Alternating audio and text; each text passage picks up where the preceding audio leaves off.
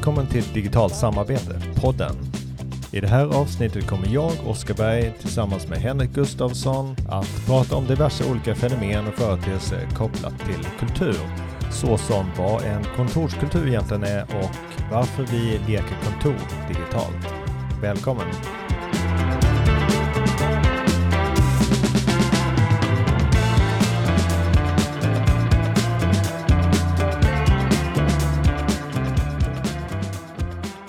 Så. Eh, inspelningen har startat, står det här. Vi kör ju bara i Teams nu då. Ja. God morgon Oskar! God morgon Henrik! Idag ska vi prata om eh, det flummigaste som finns, kultur. Eller i alla fall, det tror jag många känner inför det begreppet. Men som är oerhört centralt nu i eh, de tider vi är i eh, med ökat distansarbete och vi steg för steg går mot ett ökat digitalt arbete och då ställer sig många frågan, kan man bygga kultur digitalt eller är kultur någonting som bara finns på kontoret eller, eller sitter i mm. väggarna? Mm. Så det är något vi ska snacka om idag och vi har ju ett särskilt fokus på samarbete såklart och samarbetskultur. Men om vi går tillbaka till det här eh, reaktionen eller liksom den debatten ja, som, som verkligen är stor om vi tar på ett forum som LinkedIn just nu. Ja, kan, man, eh, kan man bygga kultur på distans?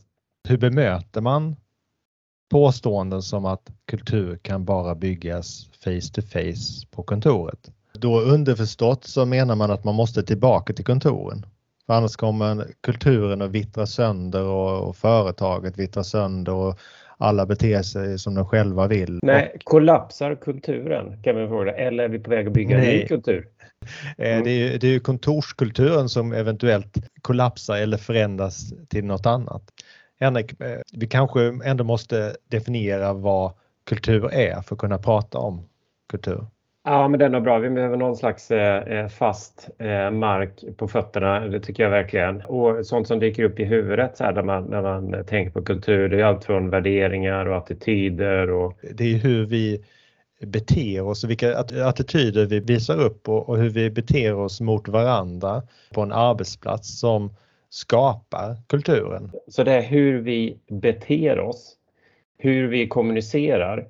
Det är mm. inte arenan som Nej. avgör eller bestämmer eller definierar kulturen eller liksom mediet.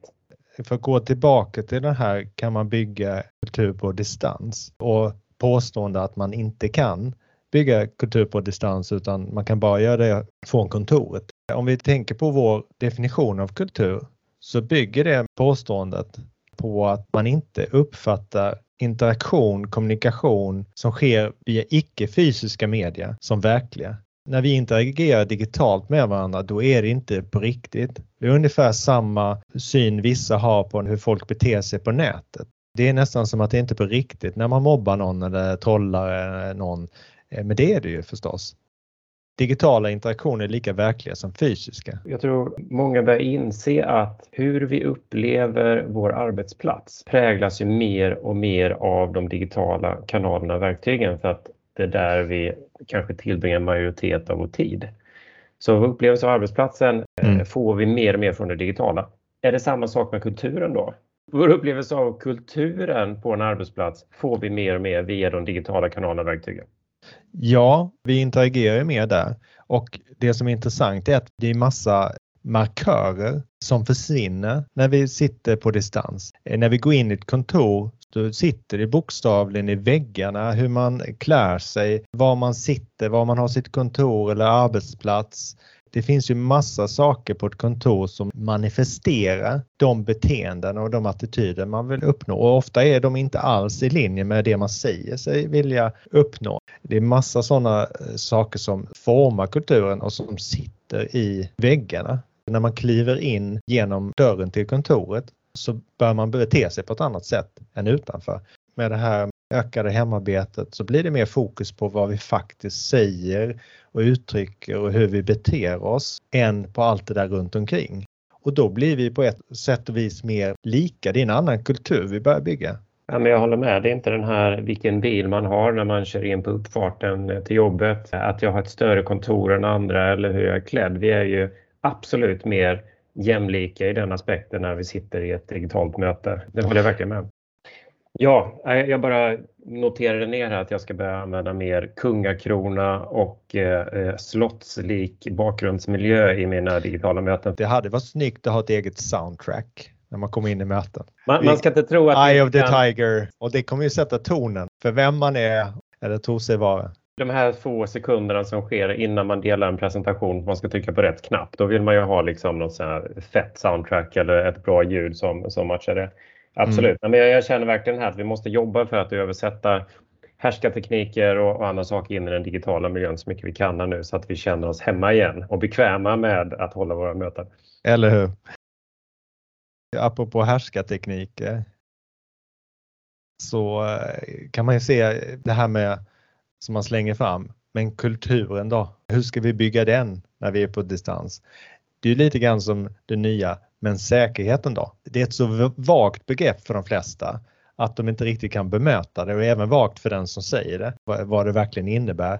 Dessutom så är det ju viktigt, men man kan inte säga att säkerheten är inte viktigt. Man kan inte säga att kulturen är inte viktig. Det, det är ju, Nej, då blir man ju idiotförklarad. Ja, det är ju väldigt tacksamt att använda det här men kulturen då när man vill motsätta sig en förändring som kanske inte handlar om att det inte går att bygga kultur om man verkligen dissekerar som vi gör vad kultur är. Utan det handlar om att man använder det som för spjärn emot andra förändringar som det här innebär av mitt ledarskap eller kanske den, för den delen av kulturen Eh, som att man tappar sina maktpositioner eller sin mm. status eller ser att man kommer få en förändrad roll i det här nya. Då. Just det, man slår det i, i huvudet på någon för att motverka en förändring som man, man själv tycker lite eh, känner rädsla eller osäkerhet inför och man kanske eh, tappar sin position som du är inne på. Varför man inte kan bygga kultur, det kanske också liksom om man grundar sig på att det har mycket med hur vi är mot varandra att göra och då pratar vi relationer. Mm. Eh, och det är en annan sak som man hör väldigt mycket nu att men relationer kan vi väl inte bygga digitalt, eller det, måste vi väl träffas för att det ska bli på riktigt. Men det där måste ju också grunda sig i en missuppfattning eller alltså att man inte riktigt förstår vad en relation är och var den kommer ifrån. Att det är ju när vi har en interaktion, kommunikation med varandra och vi gradvis ökar förståelsen för varandra och eh, kommer närmare varandra. Det kan man ju göra digitalt också. Jag tror det var du som delade den här studien om, från 2019 som kommer till slutsatsen att så många som 39% träffat sin partner på nätet och då jämfört med 20 eh, via gemensamma vänner. Att skapa intresse, attraktion, bygga en relation eh, digitalt som sker på många av ja, datingsajter och andra forum. Då. Mm. Eh, ja, det kanske man kan se som ett bevis på att även de absolut viktigaste relationerna i livet ja, kan de... man eh, starta och utveckla i den typen av forum. Att bygga relationen och att skapa den och bygga den och odla den, det, det är självklart att vi kan göra det genom att eh, kommunicera med varandra. Förr i tiden så skickade man ju eh, kärleksbrev, så det var en väldig långsamhet i det, men man kunde ändå bygga och upprätthålla relationer på det sättet. Då borde det ju gå ganska bra när, idag när vi kan inte bara chatta med varandra eh, utan även ses ansikte mot ansikte och prata. Och... Det är väl bra om vi är tydliga här. Det är inte så att vi säger att vi inte ska ses eller liksom träffas på kontoret utan vi, vi försöker bara nyansera det här med att det är bara där eller möta påståendet att det är bara där som vi bygger kultur. Vi kan bygga kultur även på distans eller, eller via digitala medel och, och, och, valfriheten här och möjligheterna är, är goda på bägge. Mm. Men, men om vi zoomar in lite på kontorskultur eller kunskapsarbetarkultur. Vad, vad är mm. det som har präglat den eller präglar den idag? En kontorskultur, det är ju då en lite förenklat en kultur som bygger på att vi är närvarande på det här kontoret. Eh, prestationen mäts i vår närvaro och eh, det finns en känsla av kontroll som bygger på att se varandra mer än vad man faktiskt gör. Ja, det är intressant att vi fortfarande till stor del lever kvar i någon slags industriell syn på arbete. Eller liksom Om vi, vi översätter synen vi haft på produktion vid löpande mm. bandet, det har vi med oss även när vi tittar på tjänstemän eller kunskapsarbetare. Så att närvaron och tiden är fortfarande otroligt viktigt. Eh, snarare än vad man presterar eller, eller att ens medge att prestationer kan gå upp och ner när det gäller att tänka och när det gäller att att ta fram nya idéer. Vi kan komma mm. Eh, fram till väldigt mycket på väldigt kort tid ibland men vi behöver också ladda om och hämta ny information och, och göra andra saker för att kunna prestera igen. Mm. Man kan ju fundera över var kontorskulturen kom ifrån och, och hur det såg ut en gång i tiden. Jag tänker här då i fabrikerna så hade man eh, smutsiga, tunga farliga jobb. Eh, de som behövde sköta bokföring och administration och så vidare kunde inte sitta i de lokalerna och räkna på sina räknebord utan då fick man eh, skapa andra lokaler för dem där de kunde sitta och göra det här under arbetstid samtidigt som då produktionen löpte. Vi har ju dragit isär det här ännu mer. På de flesta ställen så är kontoret långt bort från fabriken eller långt bort från butikerna och så vidare. Är det nödvändigt? Var, var det tanken från början? Eller var det bara en nödvändighet där och då för att det var svårt att föra samman de här miljöerna? Möjligheten som finns här nu då är ju att låta dem komma närmare varandra igen och att de som sitter på kontoret har en bättre förståelse för kundernas verklighet men också då medarbetarna, de som producerar de här produkterna eller tjänsterna och hur deras situation ser ut och då kan man ju stötta dem på ett bättre sätt. Ja, men jag håller med. Jag tror det är många som har glidit ifrån vad vi ska kalla verkligheten då och eh, det blir kanske ett, ibland ett kontorsarbete för kontorsarbetets egen skull. Mm. Det genererar väldigt mycket energi och mycket tid att bara upprätthålla eh, att vara viktig på kontoret så att säga. Jag tänker vidare på det här med, med kontorsarbetet och synen på kunskapsarbete. Det, det är väldigt många som har gått över till så kallade aktivitetsbaserade kontor. Mm. Sen har man varit mer eller mindre trogen liksom, grundidén eller konceptet. Då. Men så som det har implementerats är ju fortfarande att man värderar närvaro som vi varit inne på och tillgängligheten hos de som mm. jobbar på kontoret. Vilket mm. gör att man har skapat miljöer som egentligen inte möjliggör för att tänka djupare tankar komma in i ett flow, ett, ett, ett, deep work där man verkligen gör nytta och skapar värde. Utan mm. det har varit på något sätt varit, varit viktigt att man är tillgänglig för frågor, för snabba interaktioner eh, och ju då den enskilde individens perspektiv en miljö där jag blir störd hela tiden så jag inte kan producera. Och det kanske mm. inte heller då, om vi, vi pratar samarbete, finns utrymmen där vi kan samarbeta djupt med varandra i de här kontoren och skapa någonting extra som, som verksamheten behöver. Nej, en kultur som bygger på fysisk närvaro på ett kontor den klarar inte att ta tillvara på de möjligheterna som digital teknik kan ge när det gäller verksamhetsförbättringar. Då. Vi ska snart gå in ännu mer liksom och prata om de digitala aspekterna eh, av kulturen. Jag skulle bara vilja ha en liten reflektion av egna erfarenheter av så kallat kulturbyggande i, i olika verksamheter. Mm. Eh, det finns ju de som tar det här jätteseriöst och eh, bara nämna ett exempel, Systembolagets kulturresa som vi alla märkt av som, som kunder till exempel är otroligt mm. imponerande hur man eh, tillsammans med medarbetarna förändrat både attityd och beteende mot kunderna. Då. Men mm. om jag tittar på mina egna erfarenheter av att bygga kultur så är det ju, det är ju inga positiva saker egentligen hos, hos de eh, företag jag har varit på. Alltså det är så här, man bygger kultur eller man, man bygger relationer genom att man skapar fester för, för de anställda och, och, och i, praktiken så sätter sig kulturen av att hur vissa chefer beter sig eller informella ledare beter sig och det sker mm. lite oreflekterat och bara sprider sig som, som ringar på vattnet. Då. Mm, mm. Jag vet inte om du har några pangerfarenheter av Nej, jag har väl inga strålande. Det är väl eh, när man har varit i konsultvärlden så, så är det svårt att jobba med kultur på det traditionella sättet. Utan då måste man ju jobba hela tiden med det, med hur man interagerar och beter sig mot varandra. För alla är ute på olika uppdrag. Så det egentligen är ju det, om man lyckas, eh, de som lyckas bygga kultur där, de har ju också en modell för att göra det här i den verklighet som vi befinner oss i nu eller kommer ha framöver. Då. Det är vad man gör och hur man beter sig, till exempel som du nämner, hur cheferna beter sig.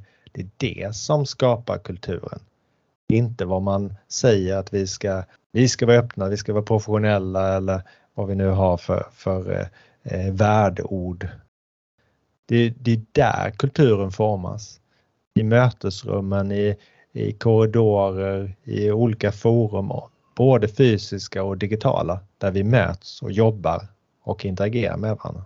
Vi kommer ju lätt in på lite dåliga sidor av kultur här. Eh, men, men det är ju intressant också. Eh, mm. Men, men, kan man överföra en dålig kultur eh, digitalt? Eh, vi var lite inne på det här med härskarteknikerna. Kan vi ta med oss dem in i de digitala mötena eller får vi jobba om dem lite eller lite nya tekniska färdigheter som behöver till för att vi ska kunna tillämpa dem? En, en sorts kultur som man kan prata om, det är ju den här mer åsiktsdrivna kulturen. Apropå det här som vi är inne i nu med en omställning eller återgång som vissa kallar det och att man fattar beslut som till synes inte är grundade i några som helst fakta och där man inte har en tänkt hur de här besluten ska utvärderas utan man, man fattar beslut och pekar med hela handen för att det är så man gör som en ledare. Så man bestämmer att ni ska jobba på kontoret tre dagar i veckan och så får ni jobba hemifrån två dagar i veckan. Vad är underlaget? Det är det beslutet. Vad är det baserat på? Eh, har man inte data, har man inte insikterna, då, då kanske man inte pekar med hela handen utan då säger man vi har en hypotes som vi skulle vilja prova. Att vi jobbar tre dagar på kontoret och två dagar hemma i snitt någonstans. Och vi litar på er. Men vi kommer mäta det för att kunna utvärdera det om det funkar eller inte. Men då finns det ju de organisationer, de ledare som, som bara pekar med hela handen, säger att man ska jobba tre dagar på kontoret, två dagar hemma, inte ha en eh, process eller tanke om att följa upp det här utan man ska mäta det här. Men man ska inte mäta det för att kunna lära sig utan man ska mäta för att kontrollera att man verkligen är tre dagar på kontoret. Ja, och på tal om empati då, man sätter sig inte in i den enskilde medarbetarens situation, hur, hur dens planering och, och, möjlighet till någon flexibilitet i den planeringen eller i schemat, hur det slås sönder av den här typen av block liksom, som läggs på en. Nej, och det är det jag menar med åsiktsdrivna organisationer, att man har åsikter som, som man kanske inte reflekterar i vad de är bottnade i. Men jag har ju stött på allting från eh, alltså chefer, toppchefer som sagt jag tror inte på e-handel till eh, jag gillar inte när folk arbetar hemifrån. De låter den åsikten påverka hur de fattar beslut och hur hela organisationen fattar beslut. Ja, alltså vi har ju sett otroligt starka uttalanden från eh, företagsledare i stora bolag som går ut och säger att är du inte på kontoret så uppfattar vi dig som mindre engagerad och det kommer att påverka din karriär. Och i nästa mening kan man säga vi ska bli ett datadrivet eh, företag eller organisation. Hur går det ihop? Jag kopplar det också lite till att det här lite oreflekterade saker som bara händer eller vi pratar en hel del om kontorskultur, men om vi tar liksom specifika eh, digitala kulturella fenomen så är det här med att eh, till exempel att alltid vara uppkopplad. Det kan ju då präglas av den här liksom, kontorskulturen, att man alltid ska vara tillgänglig på kontoret och det har vi tagit med oss. Nu kan vi alltid vara uppkopplade. Men mm. det är mm. också så här otroligt stressande och, och förödande för det här djupare arbetet som vi är inne på. Men vi har den här möteskulturen som är så himla aktuell nu. Ja. Eh, att inte använda video, att slänga ut andra från möten eller som det här, vad heter The World's Worst Zoom Meeting som mm. var i England i någon kommun där de verkligen bara liksom mobbade varandra egentligen. Ja, och säger saker som eh, de tror micken är av och sen är den på och så vidare. Och, och det håller vi ju på att lära oss här nu, eh, hur man ska bete sig och inte bete sig i, i möten. Men apropå det här med att överföra en dålig kultur digitalt så har man ju överfört en dålig möteskultur. Eh, jag tänker på det här att man kanske inte förbereder mötena onödigt mycket utan man bara fyller kalendern och eh, både som deltagare så har man ju svårt att förbereda sig och gör kanske inte det jobbet man borde göra innan ett möte, läsa material och så vidare. Vi överför de arbetssätt och därmed också de beteenden som vi har i kontorsmiljöerna till det digitala. Det befintliga beteendet kan ju vara lite trögt att ändra och har man då också en utgångspunkt att kulturen som vi har i kontorsvärlden eller hade är liksom defaultkulturen, den som vi faller tillbaka på, då blir det ju svårt att förändra ett beteende i möten till exempel. Alltså de som kämpar med att vara, som du säger, förbereda möten, ha tydlig struktur, agenda och så vidare, ge möjlighet att, att kommentera och börja samarbeta kring en fråga redan innan mötet. De tröttnar kanske till slut. Om, mm. om alla andra ändå känner att ja, men det är okej okay att inte komma förberedd eller det är okej okay att bara slänga ut ett antal olika möten. Eh, jag har ett exempel från igår, ett samarbete eh, där vi delar en samarbetsyta för att kunna ha diskussioner och, och dela dokument och så vidare. Men det faller ändå bara tillbaka till att de här deltagarna mejlar till varandra med argumentet att det kanske är någon som inte kommer åt den här samarbetsytan. Mm, så istället för att liksom ta tag i det problemet, eventuella problemet, eh, så faller liksom alla, får alla då falla tillbaka till det sämre alternativet eller det default-alternativet för hur man brukar bete sig. Ja, det tycker jag är intressant. Och det är väl ett tecken på att man inte heller förändrat sitt beteende. För att man, man, man liksom lutar åt det hållet ändå och det är lite kämpigt att gå åt andra hållet. För skulle man verkligen ha gått över till det andra så skulle det vara så motigt att göra det. Man skulle, bli, man skulle kanske dra sig ur det här samarbetet för man ser hur, hur ineffektivt det kommer att bli och det hur svårt det kommer att vara för mig och att jobba på det här sättet.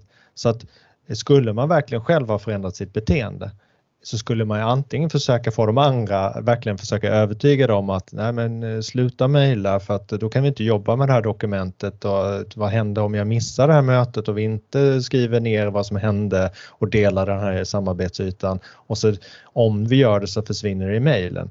Om man har sett vinsterna med det här beteendet, arbetssätten, så vill man inte gärna ta sig över på det andra. Kontentan är väl att kulturen fortfarande är e-postdriven och mötesdriven och i vissa fall telefondriven. Det här med att man, man ringer någon när det passar mig utan att kolla av när det passar mottagaren. Då. Och det är ett exempel på en kontorskultur som vi överför i det digitala men som blir lite svårare eftersom det är lite eh, svårare att trycka på luren till någon.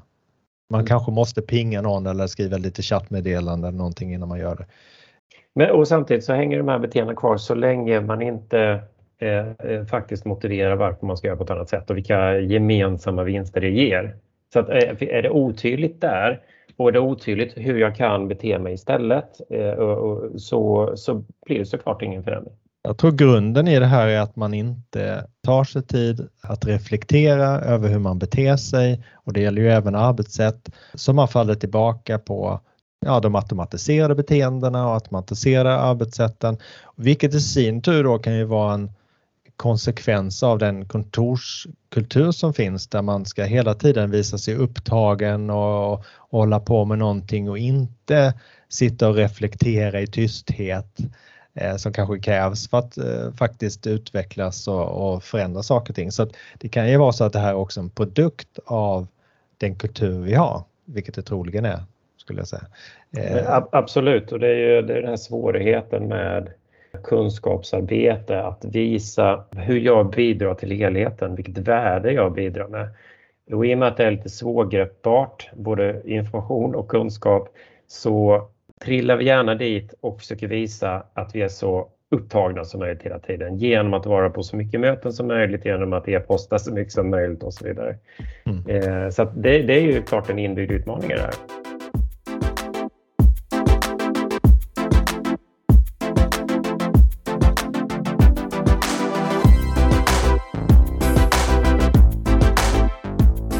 Är du trött på kontorskultur och vill veta vad det är för sorts kultur man bör bygga istället? Lyssna då gärna in nästa avsnitt av Digitalt samarbete podden. Tack för att du lyssnade. Vi hörs!